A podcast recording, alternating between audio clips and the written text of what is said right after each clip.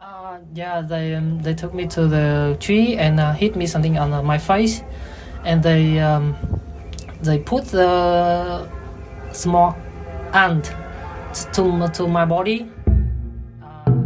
På bakken i regnskogen i Vietnam, der bor det bitemaur. Det er små skapninger med et kraftig bitt dekket i maursyre. Et bitt er ekstremt ubehagelig, og smerten er sviende. Det er en håndfull sånne maur den vietnamesiske miljøaktivisten Taman Hung forteller om. Da han ble tatt på fersken med et kamera i den vietnamesiske regnskogen, ble han straffet med slag og bitemaur, før han ble bundet fast til et tre i mange timer. Hvorfor får du høre i dagens episode av Forklart fra Aftenposten. Jeg heter David Bekoni. they took me on to the tree uh, for six hours.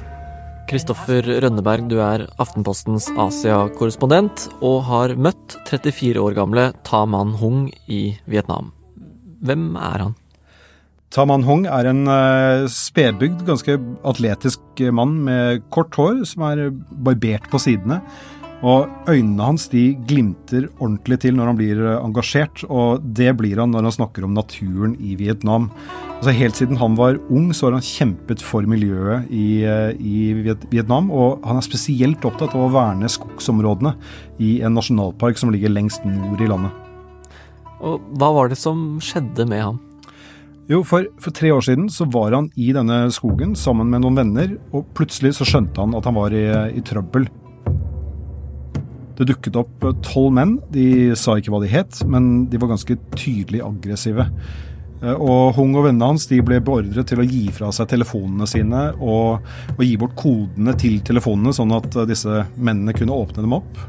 Og de andre eh, guttene i dette følget, de, de, gjorde som de ble fortalt, men Hung, han nektet. Han visste at han kom til å få enda større problemer hvis de fikk se hva som var på telefonen hans. Derfor eh, holdt han munn, og straffen for det, den kom med det samme. Først så bandt angriperen angriperne ham fast til et tre, og så begynte de å slå ham i ansiktet, på overkroppen, overalt. Og da han fortsatt nektet å gi dem denne telefonkoden, han er en, en ganske sta type, da hentet de maur fra bakken og puttet dem rett og slett under T-skjorten hans, sånn at de begynte å bite ham. Og um, smerten fra disse bittene fra maurene, det, det var skikkelig vondt, fortalte han meg etterpå. For Hong så var dette en form for tortur. How many hours were you tied uh, to that tree? Uh, six hours. Yeah, from uh, 5 p.m. to uh, 10. I think five hours. And 10, 10 p.m. they uh, they left and uh, left me alone there. Hvorfor gjorde disse mennene det her mot Hung? Hva, hva var det som var på telefonen hans? Jo, altså Grunnen til at Hung var i denne skogen, det var at han skulle ta bilder av et digert byggeprosjekt som pågikk på en vakker høyde midt inne i denne nasjonalparken. Um, Hung hadde sett at elven allerede var blitt forurenset, og det var masse trær som var blitt hugget ned. Så han hadde lyst til å dokumentere hva som foregikk, sånn at han kunne fortelle folk utenfor uh, om det. Just uh, to make it clear, why did you go to the forest? Why was it important for you to, to be there? Um, just because I love the forest and I love Vietnam. Uh, it is the rainforest, uh, very important for the lot in Vietnam. Hong han ble stående fastbundet til dette treet i fem timer uh, før mennene dro. og Så kom vennene hans tilbake og fikk, uh, fikk ham løs. Uh, de hadde ikke telefoner, de hadde ikke lys, noen ting. De måtte gå gjennom den mørke skogen. De fant et tempel hvor de kunne overnatte, og så kom de seg hjem dagen etterpå. Og Da gikk Hong rett til politiet og fortalte om det som hadde skjedd. Politiet skrev det ned, og så gjorde de ingenting. Saken ble rett og slett bare henlagt. Uh, just the police just um, write out, write out, and uh, get my info, and uh, and that's it. And just in one year more, they tell me that uh, they cannot find the um, the who attack, uh, attack me. Vi vet jo ikke hvem disse angriperne var, men de hadde helt tydelig en interesse i at Hung ikke skulle fortelle om hvordan denne nasjonalparken ble ødelagt. Og historien hans den passer ganske godt inn i et større bilde om hvordan det blir farligere og farligere å være miljøaktivist i Vietnam. Tidligere så var dette en ganske trygg ting å holde på med, men sånn er det ikke lenger. Og det er egentlig ganske overraskende.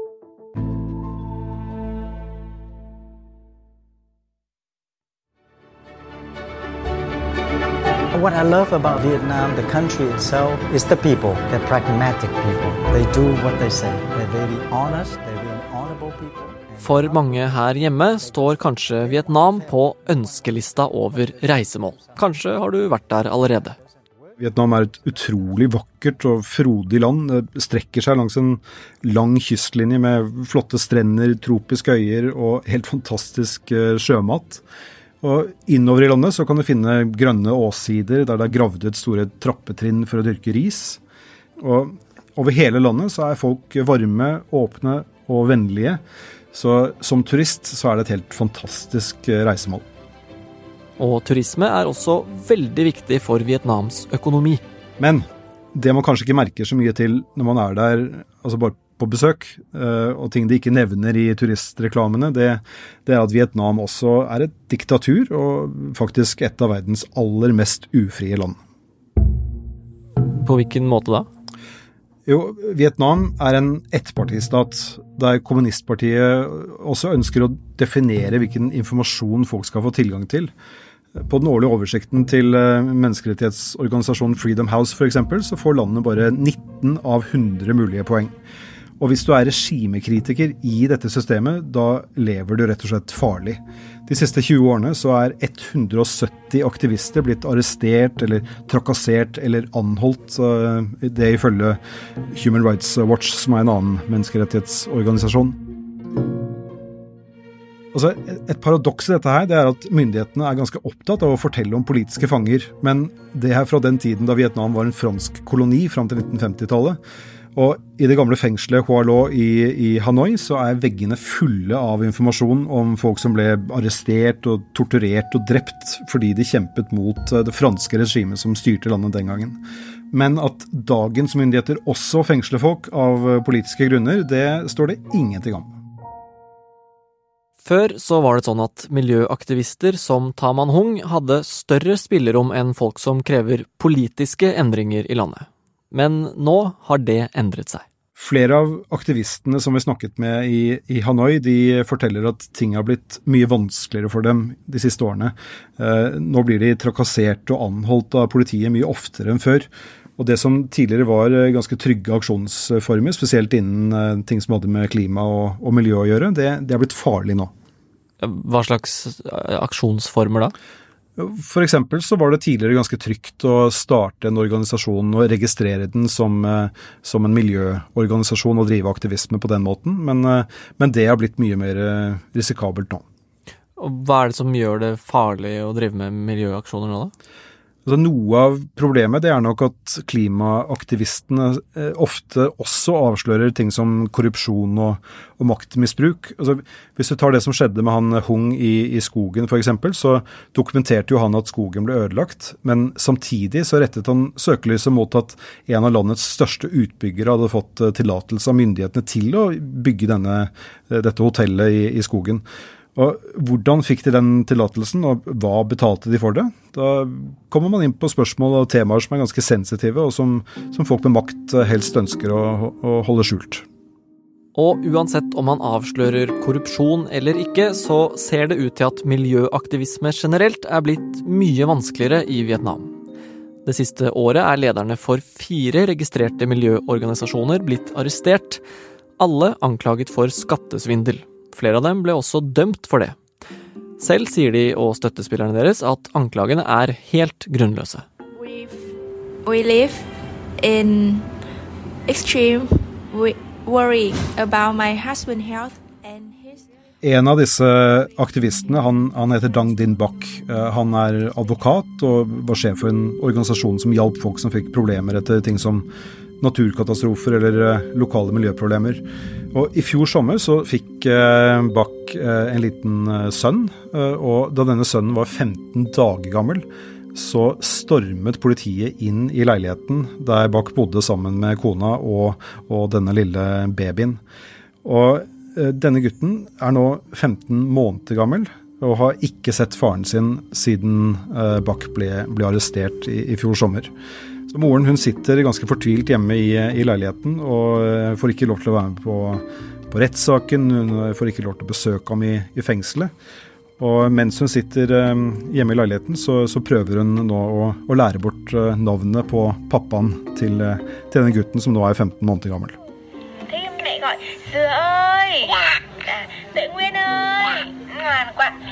Con ăn cơm với gì Con ăn cơm với gì Đó Thế hôm nay đi chơi con nhìn thấy con gì À con chó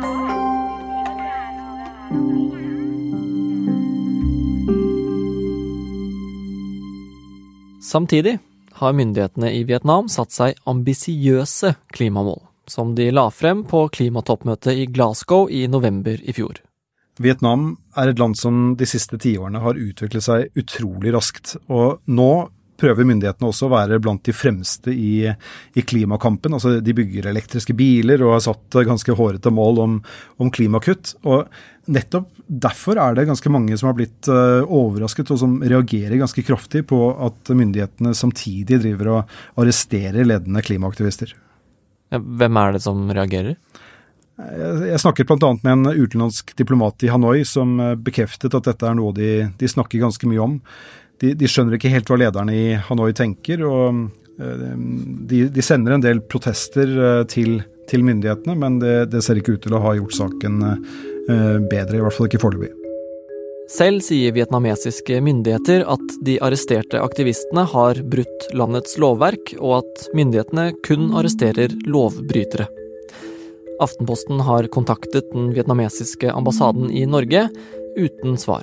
Men i en kommentar fra februar så uttaler myndighetene at Staten Vietnam er alltid svært nøye med å beskytte og fremme grunnleggende menneskerettigheter.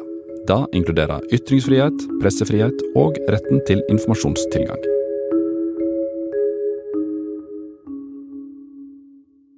Ok, så alt i alt, da, hvordan går det med miljøkampen i Vietnam? Nei, Det går ikke særlig bra. Eh, I hvert fall ikke på, på aktivistnivå på, på grasrota. Eh, en av de jeg snakket med, anslo at det nå er omtrent ti aktivister igjen som ikke sitter i fengsel. Og hva med Hung, som ble bundet fast og banket opp i skogen? Har truslene og maurene skremt ham fra å kjempe videre? Nei, ikke i det hele tatt. Han, eh, han, nekter å gi seg, selv om han uh, er blitt anholdt av politiet massevis av ganger, også etter uh, denne episoden i, i skogen. Uh, Hong er veldig opptatt av at folk utenfor Vietnam skal bry seg om det som skjer, og at utenlandske myndigheter og, og, selskaper skal legge press på vietnamesiske makthavere, sånn at de rett og slett slutter å ødelegge den skogen som, som han er så glad i. Yeah, I want the, uh, the people outside uh, just know, just Vietnam.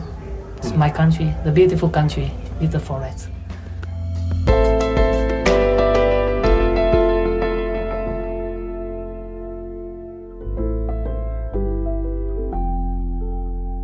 Du hørte Kristoffer Rønneberg fortelle om miljøkampen i Vietnam. Lyden fra Vietnam er det han som har tatt opp, og turistreklamen er fra Vietnam Tourism Board på YouTube. Denne episoden er laget av produsent Anders Weberg og meg, David Vekoni. Og resten av Forklart er Fride Nesten Honstad, Anne Lindholm, Jenny Førland, Marit Eriksdatter Gjelland og Synne Søhol. Hvis du likte denne episoden, og syns Forklart er verdt å anbefale til en venn, så blir vi kjempeglade om du gjør det. Og nye episoder av Forklart kommer, som du helt sikkert vet, hver ukedag. Høres da! En familie på fire dro til Danmark. Bare to av dem kom hjem. Har du en pappa? Det har ikke jeg. Podkastserien Overgangen fra Aftenposten er en historie om å lære seg å overleve, og om hvordan sorg kan oppføre seg på helt ulike måter. Julie er jo drivkraften min. Med henne så kan jeg jo ikke gi opp. Nå er hele serien ute. Jeg eh, er 100% sikker på at det ikke var noe signal. Søk opp podkasten Fortalt i Podme eller i Aftenposten-appen. Du kan også bare google Overgangen.